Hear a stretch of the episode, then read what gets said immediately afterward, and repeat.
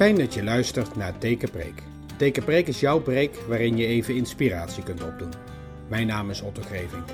In Tekenpreek neem ik je mee door een Bijbelverhaal en leg je uit wat het voor je kan betekenen.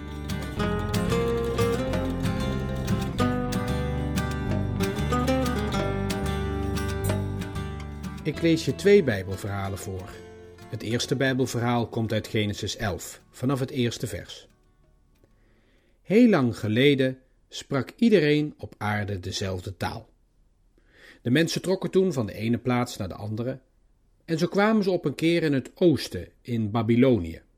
Ze gingen daar wonen in een dal. Toen zeiden de mensen tegen elkaar: Laten we van klei stenen bakken.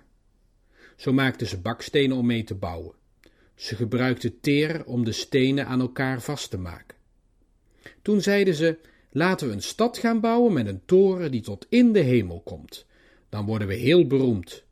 En als we in die stad blijven, raken we niet over de hele aarde verspreid. Toen kwam de Heer naar de aarde. Hij kwam kijken naar de stad en de toren die de mensen aan het bouwen waren. Hij zei: De mensen zijn nu één volk en ze spreken allemaal dezelfde taal. Wat ze hier doen, is nog maar het begin. Straks kunnen ze alles doen wat ze bedenken. Laat ik naar ze toe gaan. Ik zal ervoor zorgen dat ze elkaar niet meer kunnen verstaan. Toen verspreidde de Heer de mensen over de hele aarde. Ze stopten met de bouw van de stad. Die stad wordt Babel genoemd. Daar zorgde de Heer ervoor dat de mensen elkaar niet meer konden verstaan en dat ze overal op aarde gingen wonen.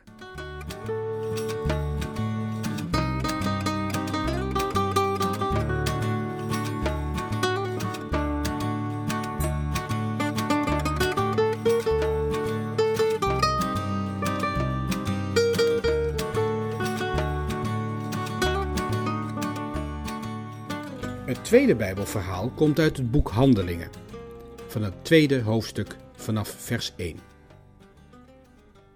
Toen het Joodse Pinksterfeest begon, waren alle gelovigen bij elkaar in een huis. Opeens kwam er uit de hemel een vreemd geluid. Het klonk alsof het hart begon te waaien. Het was overal in huis te horen.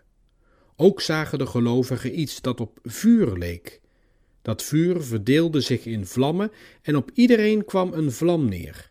Zo kwam de Heilige Geest in alle gelovigen. Daardoor begonnen ze te spreken in vreemde talen. Op dat moment waren er in Jeruzalem veel Joden uit alle delen van de wereld. Ze waren gekomen om het Pinksterfeest te vieren.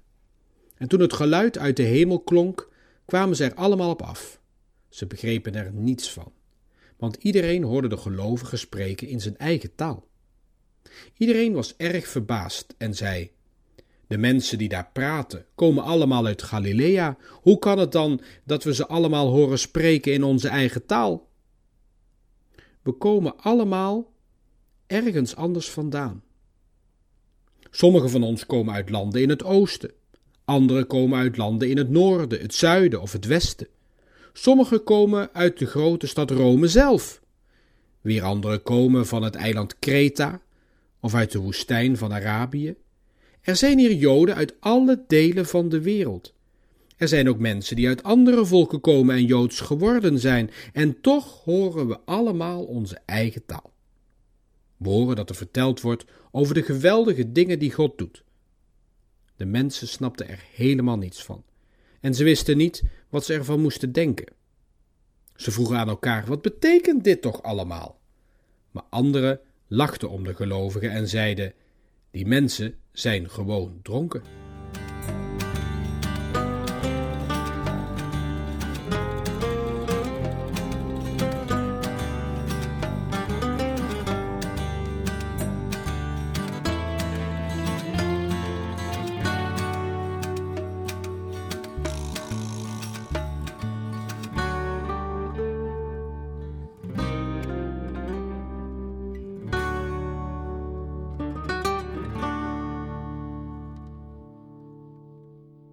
Het is niet gemakkelijk om het Pinksterfeest uit te leggen.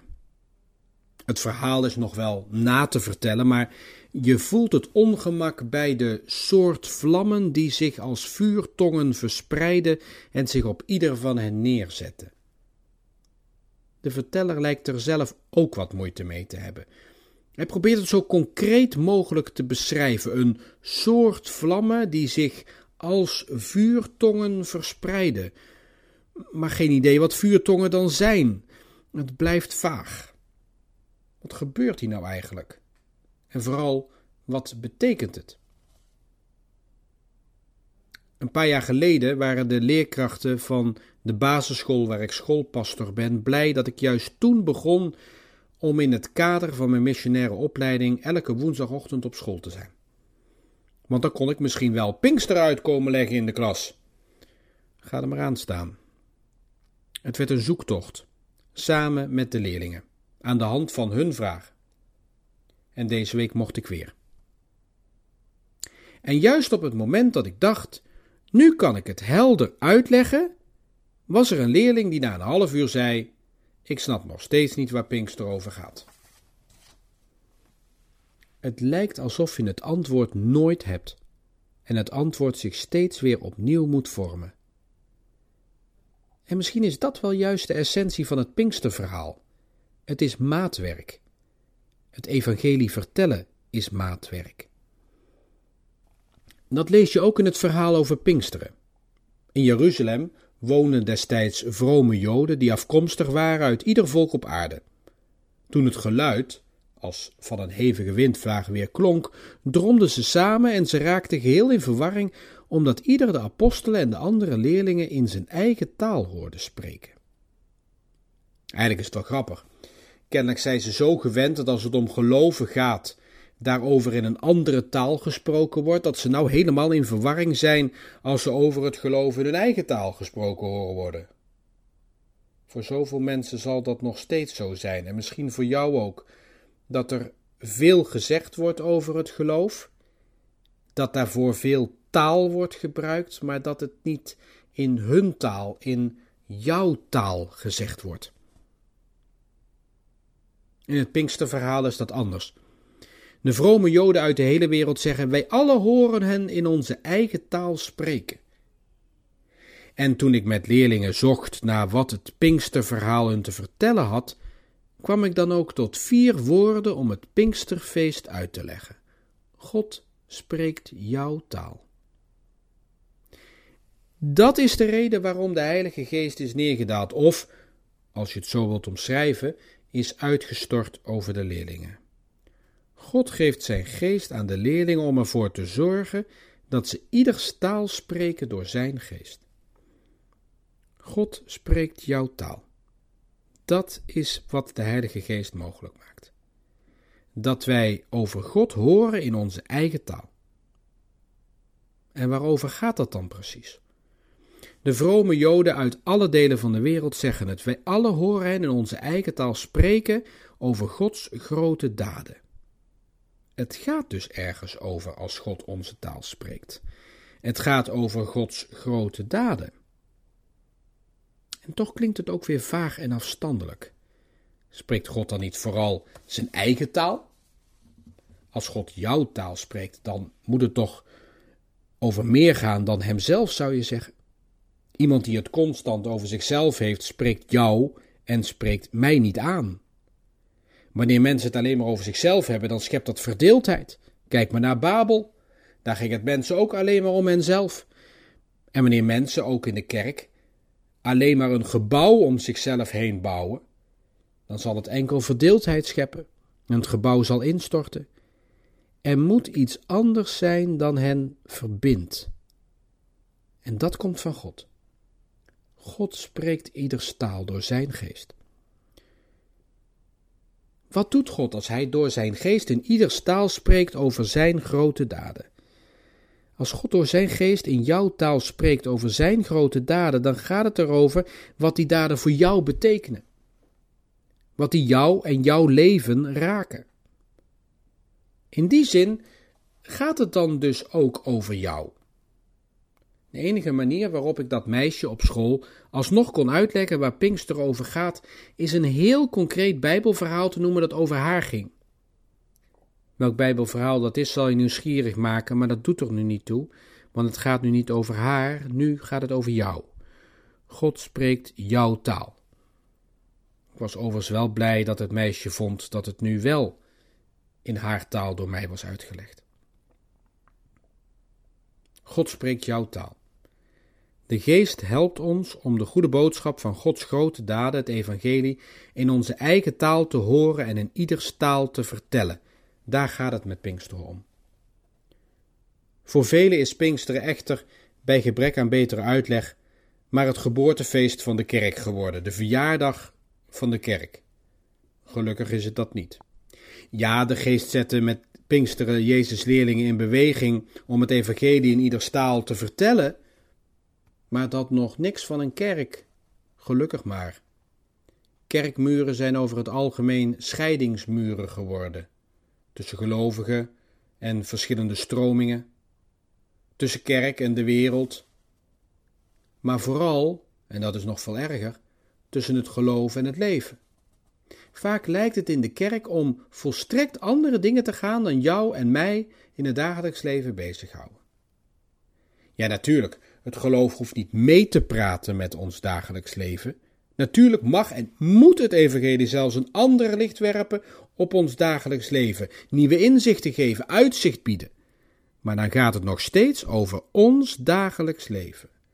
Anders blijft het zweven en weet je niet wat je hebt aan het geloof. Het enige nut van de kerk is dat ze die roeping verstaat. Dat wij die roeping verstaan. Dat we proberen met Gods geest het evangelie in ieder taal te vertellen. En dus op zoek gaan naar waar en hoe het evangelie mensen aanspreekt. En dat is dus niet vanzelfsprekend onze manier. Dat kan vragen om nieuwe taal en om nieuwe vormen. Op internet, school, in een kerkgebouw, waar en met wie dan ook. Dan zullen mensen zich welkom voelen dan zal jij je ook welkom voelen. De enige voorwaarde is dat we dit samen doen. Wanneer het te veel om onszelf draait, geeft dat spraakverwarring, zoals daar in Babel. En spraakverwarring leidt tot verdeeldheid. En zo zal het evangelie nooit in ieder staal klinken.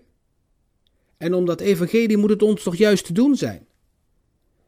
Wanneer we te zeer vasthouden aan wat we zelf hebben opgebouwd, omdat wij dat belangrijk vinden, dan is niet het geloof en is het ook niet Gods geest die ons samenbindt.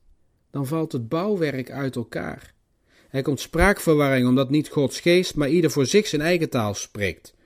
En die spraakverwarring leidt tot verdeeldheid. Dan verwordt de evangelieverkondiging tot een strijdtoneel waarvan velen in de kerk, maar vooral daarbuiten zeggen: geef mijn portie maar. Het vuur van Gods geest vraagt ons vandaag open te staan voor waar Gods geest ons heen wijst in de toekomst. Met elkaar. Om open te staan hoe God ieders taal spreekt. Want dat doet Hij. Dan steekt de wind weer op. Gods adem vult het huis. De mensen wagen zich weer aan verhalen van wie hen draagt, van wie er aan het kruis ons toekomst bracht en leerde ademhalen. Geloven is een luisterend bestaan een samengaan. Zo spreekt God jouw taal.